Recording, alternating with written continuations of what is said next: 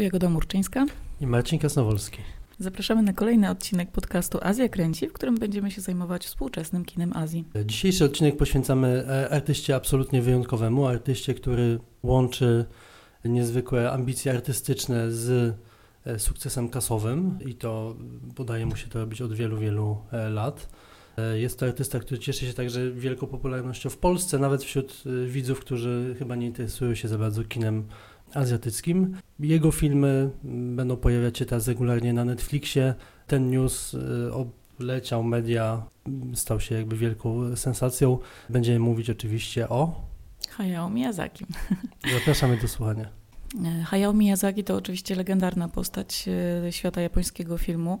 Pierwszy reżyser, który e, otrzymał Złote Lwy w Wenecji, ale to tak naprawdę chyba jedno z najmniejszych jego osiągnięć. To jest twórca, którego filmy ukształtowały całe rzesz, całe, całe pokolenia tak naprawdę Japończyków, bo rzeczywiście udało mu się stworzyć z animacji dziedzinę sztuki traktowaną niezwykle poważnie. Jest to twórca, który ukształtował tak naprawdę całe pokolenia Japończyków, bo rzeczywiście te filmy oglądają e, wszyscy. Zresztą jeden z jego filmów e, w Krainie Bogów reklamowany był takim hasłem dla osób, które miały kiedyś 10 lat albo będą miały kiedyś 10 lat. E, I rzeczywiście tak to wygląda, bo rzeczywiście dla dzieci jest tam atrakcyjna fabuła, niesamowite postaci, bardzo barwne, takie złożone światy, w jakich rozgrywa się fabuła.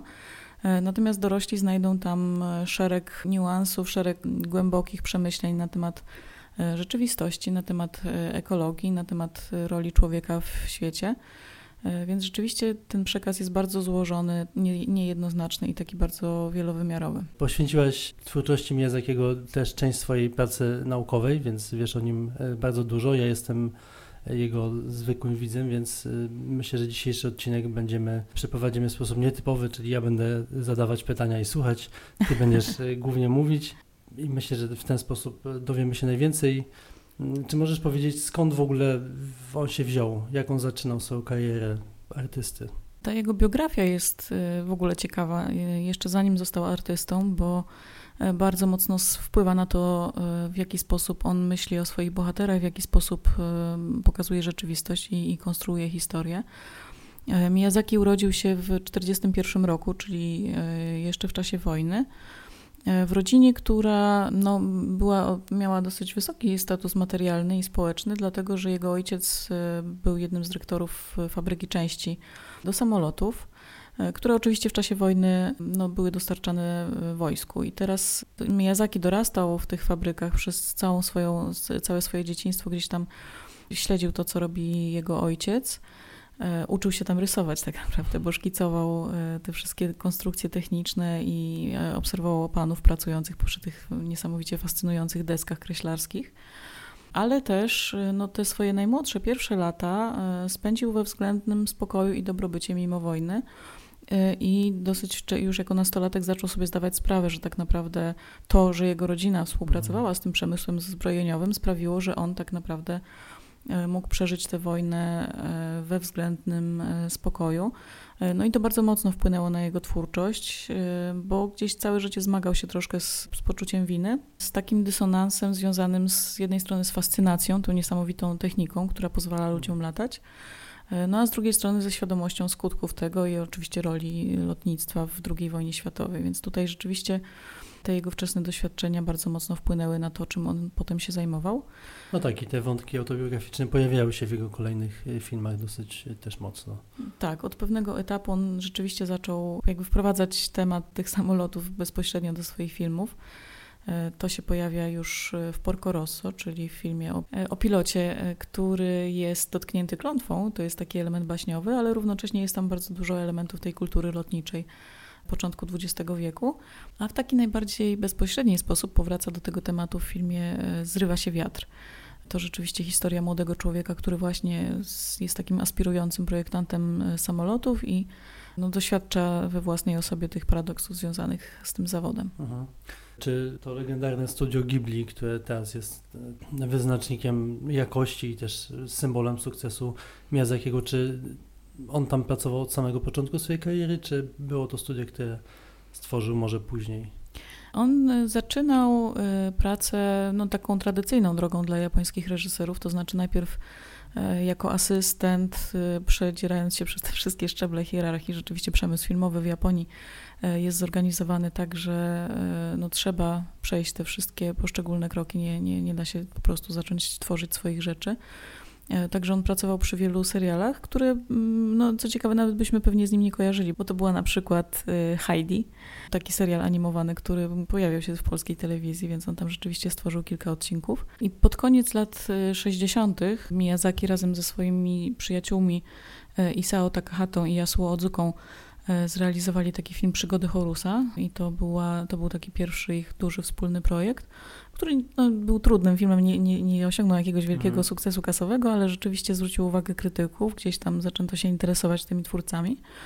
E, pracował też przy takiej serii anim, animacji detektywistycznej, e, taka ser, przygodowa e, seria Lupin 3, to zresztą jest postać detektywa, który działa trochę wbrew utartym zasadom taki sprytny, sprytny bohater i e, Miyazaki zrealizował też film pełnometrażowy na podstawie tej serii.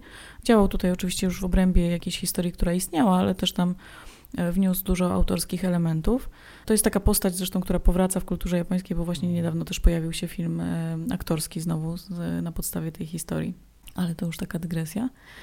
I razem z Isao Takahatą Miyazaki postanowił zekranizować swoją własną mangę, nad którą bardzo długo pracował.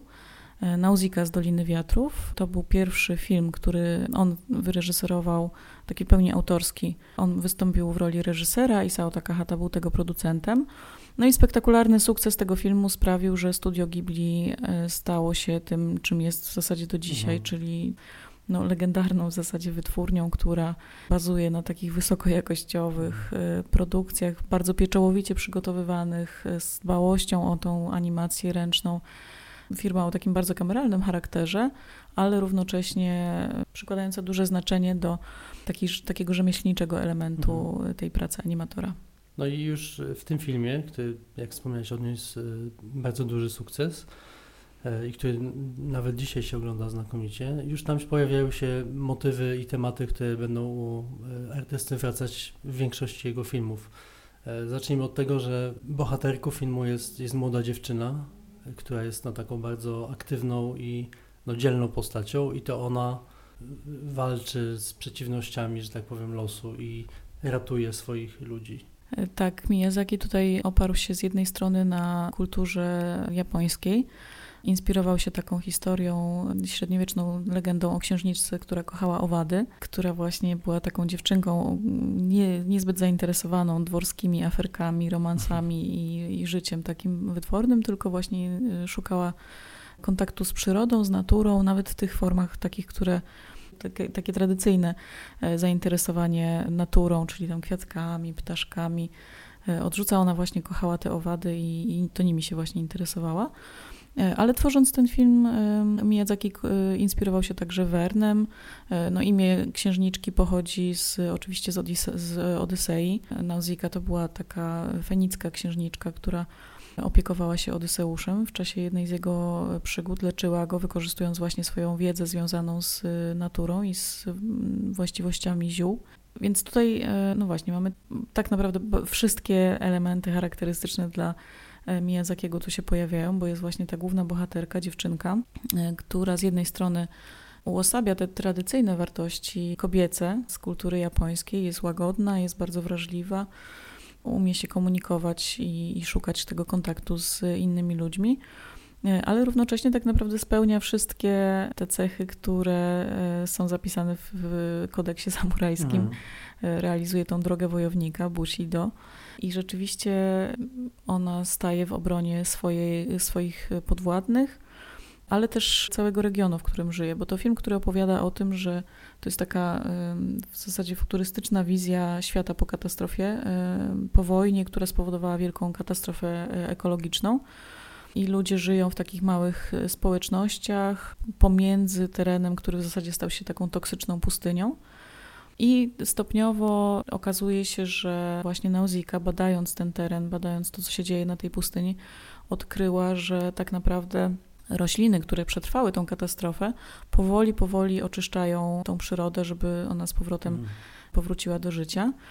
W międzyczasie tam ludzie nadal kontynuują ten wojenny konflikt i ona musi sobie radzić z tym, że dookoła trwa wojna i występuje tam też w obronie słabszych, a równocześnie próbuje przekonać ludzi, że ten las nie jest czymś, e, co należy niszczyć, tylko właśnie wspierać e, i korzystać z tego, co, co tam się dzieje.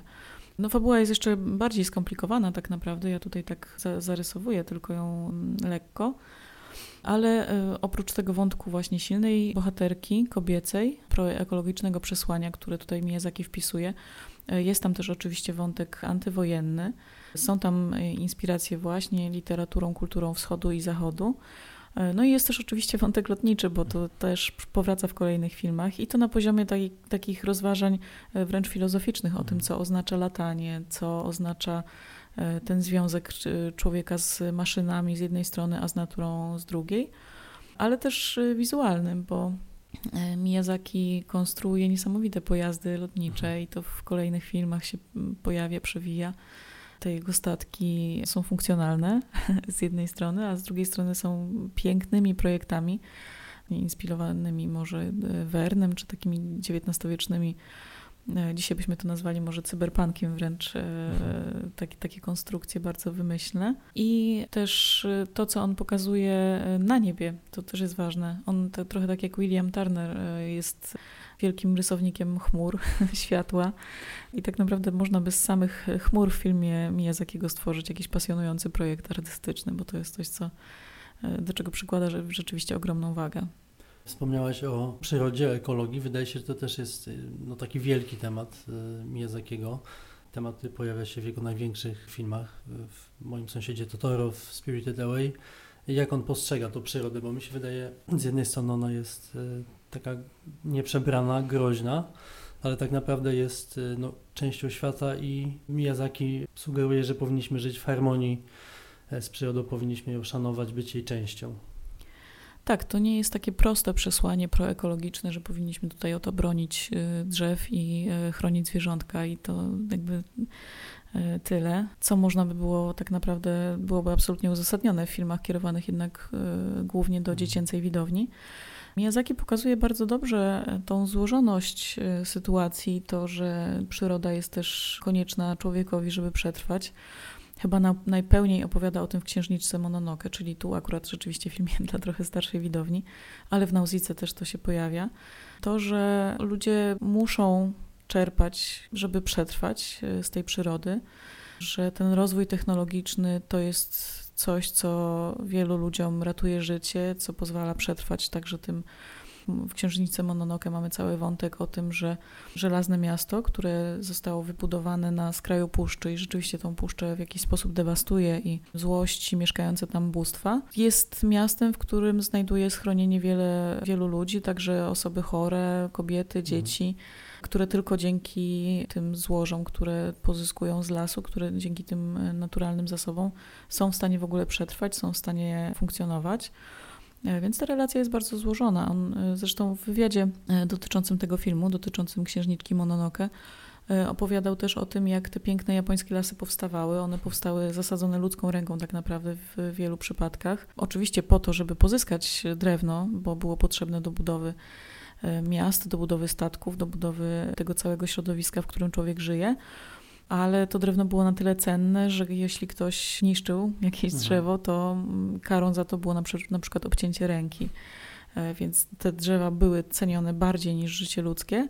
No ale to, to też nie, nie było to tak naprawdę jednoznacznie pozytywne działanie, prawda? Więc ta relacja tak naprawdę człowieka z przyrodą od zawsze jest trudna i mhm. złożona i to rzeczywiście jest taki wątek, który powraca E, nieustannie w filmach Miyazakiego.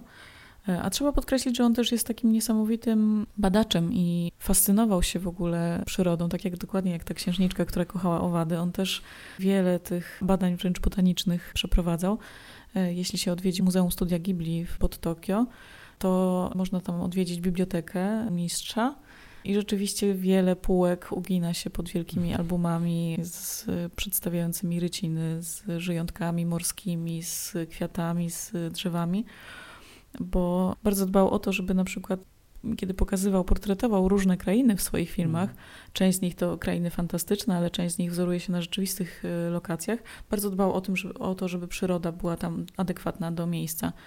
E, czyli jeśli jest to miejsce inspirowane na przykład Alpami, to rosną tam takie kwiatki, jak powinny hmm. rosnąć w wysokich górach, a nie jakieś przypadkowe plamy barwne na trawie, więc rzeczywiście jest to y, ktoś, kto niebywale poważnie podchodzi do tego, czym się zajmuje. W lesie głównie rozgrywa się y, akcja jednego z no, jego takich, wydaje mi się, filmów, które są wyjątkowo ukochane przez, przez jego publiczność, czyli mojego sąsiada Totoro. Jest to historia no, rodziny ojca i dwóch córek, które przeprowadzają się do nowego domu. E, ich matka cały czas jest w szpitalu, jakby ma problemy zdrowotne i to też jest e, wątek autobiograficzny, ponieważ e, matka Miyazakiego także spędziła dużo czasu w sanatorium. Te dziewczynki oczywiście w nowym miejscu zaczynają eksplorować przestrzeń wokół domu i szybko odkrywają, że wielki las, który rośnie obok, pełen jest przedziwnych duchów i stworów, między innymi tytułowego Totoro. Czy możesz powiedzieć, skąd Miyazaki czerpał inspirację do tych postaci niezwykłych? E, to jest oczywiście inspiracja Shinto, religią japońską, która właśnie oparta jest o ten kontakt człowieka ze światem, który go otacza i z tym, że każdy tak naprawdę element przyrody ma jakieś duchowe znaczenie i, i no postaci z, tego, z, tej, z tej mitologii e, shintoistycznej też powracają we, w większości jego filmów, od tych właśnie małych duszków, Kodama czy Susuatari, które się pojawiają właśnie w Totoro, po ten, tą niesamowitą plejadę postaci mitycznych, które się przewijają przez, w krainie bogów. I rzeczywiście to jest taki film, który pozornie jest taką bajeczką dla no. dzieci, bardzo piękną, wzruszającą, opowiadającą o przyjaźni, o pokonywaniu lęków, E, dwie małe dziewczynki, które trafiają właśnie w zupełnie nowe otoczenie. Zresztą te dwie dziewczynki, początkowo to miała być też historia o jednej bohaterce. Miyazaki zdecydował się zrobić z nich siostry, żeby no, pewnie mieć okazję do, do ciekawszych interakcji między tymi dwoma bohaterkami ale można je nadal interpretować jako jedną postać, bo one mają to samo imię tak naprawdę. Mei, ta młodsza dziewczynka, to Mai po e, taki przekształcona wersja e, angielskiego słowa na miesiąc maj. E, a jej starsza siostra nosi imię, które znaczy to samo, tylko e, po japońsku. Ale rzeczywiście Miyazaki oparł się tutaj na swoich własnych doświadczeniach. Jego mama bardzo długo chorowała i on rzeczywiście jako mały chłopiec e, pamiętał ten lęk i, i tą grozę i rzeczywiście ten film jest podszyty takim napięciem tej matki, która no, jest poważnie chora, nie wiadomo czy przeżyje tą chorobę, jest nieobecna i mimo tego, że dziewczynki świetnie się bawią, odkrywając nową rzeczywistość, to jednak ten duch lasu, którego spotykają, jest też jakimś takim rodzajem tej drugiej alternatywnej rzeczywistości, z którą stają się bliskie właśnie dzięki temu trudnemu doświadczeniu związanemu z e, chorobą e, matki. Tam też jest inna taka warstwa, którą, o której war, warto powiedzieć, bo ta historia rozgrywa się w takim miejscu trochę poza czasem i przestrzenią. Mm. Jakby wiadomo, że jest to Japonia, ale nie jest dokładnie e, określone, jaki to jest czas. Natomiast rzeczywiście, jeśli się przyjrzy ubraniom tych ludzi, którzy się tam pojawiają, można wnioskować o tym, że to są właśnie lata 40., e, że prawdopodobnie dziewczynki schroniły się na wsi nie tylko ze względu na to, że jest tam nowy dom i że tam choruje mama, ale też, że gdzieś tam w tle jednak jest ta sugestia, że, że to są czasy wojenne, na co wskazuje właśnie sam, samo doświadczenie biograficzne Miyazakiego. E, I co ciekawe, dokładnie w samym studio Ghibli, dokładnie w tym samym czasie, kiedy Miyazaki pracował nad moim sąsiadem Totoro, E, jego współpracownik, Takahata, pracował nad grobowcem świetlików, który jest no, niesamowicie mhm. wzruszającą i przejmującą historią dwójki rodzeństwa, które e, właśnie zostaje doświadczone najgorszymi doświadczeniami wojennymi. Brat i siostra, sieroty, które muszą sobie poradzić samodzielnie tak naprawdę ze zdobywaniem pożywienia, z tym niesamowitym głodem, z biedą, jaka dotknęła japońskie społeczeństwo w czasie wojny. Oczywiście tutaj w moim sąsiedzie Totoro nie pojawia się ten kontekst bezpośrednio, natomiast samo to, że ci twórcy pracowali tak naprawdę siedząc biurko w biurko, jeśli się ma świadomość tej sytuacji i tych doświadczeń własnych Miyazakiego, no trudno tak naprawdę w Totoro nie mhm. znaleźć E, i nie poczuć e, takiego tej, tego przejmującego smutku, który gdzieś tam się przewija w tle. Więc mimo tego, że jest to historia zdecydowanie dla dzieci i japońskie dzieciaki kochają, oczywiście to jest hmm. jedna z najbardziej ukochanych postaci bajkowych e, w tym kraju, zresztą nie tylko tam, bo, bo chyba w całej Azji, gdzie, gdzie tylko ten film nie dotarł. No to dorośli oglądając go też mogą tam znaleźć e, dużo takich filozoficznych przemyśleń związanych z tym tematem. Podobny punkt wyjścia do, do historii ma Spirited Away, czyli jest to historia rodziny, która przenosi się w nowe miejsce. W przypadku Spirited Away e, ta rodzina nawet nie dociera do swojego nowego domu, ponieważ przenoszą się do, do innego wymiaru, do innej rzeczywistości. I ten, ten świat alternatywny, można powiedzieć, ten, ten świat, świat pełen duchów, zostaje znacznie bardziej rozbudowany w, w tym przypadku. I tutaj dziewczynka zostaje sama, jej rodzice zostają prosiaki i ona musi jakby odnaleźć drogę do, do wyzwolenia i zarówno swoich rodziców i siebie. Ale to, co jest ciekawe w tej historii, historii, która zresztą odniosła wielki sukces i chyba do dzisiaj jest najbardziej kasowym japońskim filmem globalnie, to to, że widzowie przyzwyczajeni może bardziej do filmów na przykład Disneya nie znajdą tam takich prostych opozycji zło i dobro, to znaczy są tam postacie, które wydają się być złe, które wydają się być wrogie, ale koniec końców wcale tak nie jest. Tak, to są postaci, które też mają swoje jakby biograficzne mhm. doświadczenia, które są dotknięte czymś, co sprawiło, że stały się z tymi złymi bohaterami mhm. w tradycyjnym rozumieniu. To są bohaterowie, którym często trzeba pomóc. Y, tam główna bohaterka na przykład wchodzi w taką y, ca całą sytuację z Bogiem rzeki, którego wszyscy inni się boją, y, który jest paskudnym, przerażającym stworem. No okazuje się, że oczywiście stał się taki dlatego, że rzeki są straszliwie zanieczyszczone, mhm. Że on jest karmiony tymi najgorszymi resztkami, które są konsekwencją życia ludzi. I kiedy ona pomaga mu się z tego oczyścić, okazuje się, że jest to tak naprawdę bardzo pozytywna postać, która potem pomaga jej w, na dalszych etapach tej przygody. No i takich postaci jest oczywiście sporo. To, to jest charakterystyczne dla mnie, z jakiego że on stara się pokazać tych bohaterów w sposób niejednoznaczny, bardzo ciekawy przy, przy okazji. No i też ta jego krytyka e, społeczeństwa, które tu się pojawia, bo, bo to jest taki moment, kiedy on bardzo jest rozczarowany tym, co się stało mm. z japońskim społeczeństwem, z kapitalizmem w ogóle. E, pokazuje skutki tej nieokiełznanej konsumpcji, która w japońskim społeczeństwie, zwłaszcza w latach 80., to jest film z 2001 roku, więc rzeczywiście to są takie świeże sytuacje, kiedy E, japońskie społeczeństwo po tej takiej erupcji e, konsumpcjonizmu, po takich zupełnie ekstatycznych e, hmm. latach 80., kiedy ten boom gospodarczy chyba najbardziej był odczuwalny, nagle stopniowo w latach 90. zaczyna sobie zdawać sprawę, że to nie będzie trwało wiecznie, że, że nadchodzi kryzys finansowy, że już ludzie nie mogą tak sobie bez żadnych oporów konsumować i kupować i pochłaniać wszystkich możliwych zasobów. Więc jest to taki rzeczywiście moment refleksji i on się tutaj odbija u jakiego bardzo wyraźnie. Mhm. No tak, i wydaje się, że on wierzy w to, że być może młode pokolenie nieskażone jeszcze tym konsumpcjonizmem e, jest nadzieją, ponieważ e, no, rodzice bohaterki rzucają się na, na, na jedzenie i jedzą tak długo, aż zamieniają się właśnie w, w, te grube świnie, dosłownie. Natomiast ta dziewczynka zupełnie nie trzyma się z daleka i to ją ratuje. Tak, tak.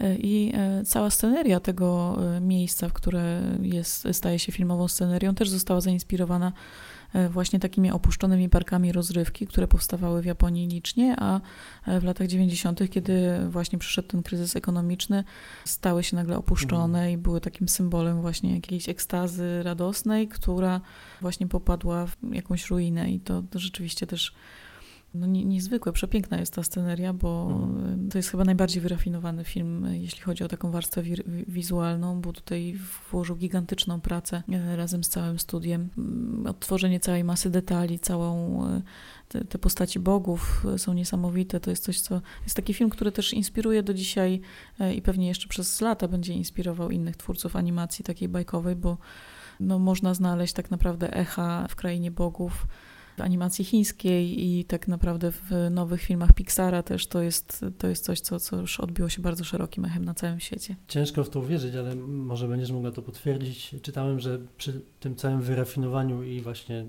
pieczołowitości, dokładności tego świata, Miyazaki nie tworzy tych filmów z dokładnym scenariuszem, tylko on jakby bada, w, którym, w którą stronę ta historia się potoczy. Ciężko jest to uwierzyć w ogóle, że to jest możliwe. Tak, tak. Na pewno ma no, jakiś zarys wynikający z takich struktur narracyjnych, które po prostu są e, dla niego punktem odniesienia, bo on rzeczywiście jest erudytą i, i ta literatura którą on czyta, też powraca w kolejnych filmach, od mitologii różnych stron świata po właśnie Homera, i, ale też literaturę fantastyczną, bo on się inspiruje i Tolkienem, i mhm. Urszulą Le Guin. No, cała masa tych literackich odniesień powraca. Zresztą on często ekranizował w ogóle literaturę bezpośrednio ale no, oprócz tego wątku literackiego oczywiście niesie go także strona wizualna, więc to jest coś, co jakby rzeczywiście po części powstaje w trakcie pracy nad filmem. Y, no jego drobiazgowość i długość tych prac jest y, mhm. legendarna, zresztą jest też takim despotycznym dosyć, to co widać na dokumentach z jego udziałem, że jest dosyć despotycznym szefem ale jego współpracownik Takahata robi filmy jeszcze dłużej i jest ich mniej w związku z tym. To był taki żart, który gdzieś tam, że, że Miyazaki pracuje bardzo nad filmami bardzo długo, ale Takahata, no to już w ogóle.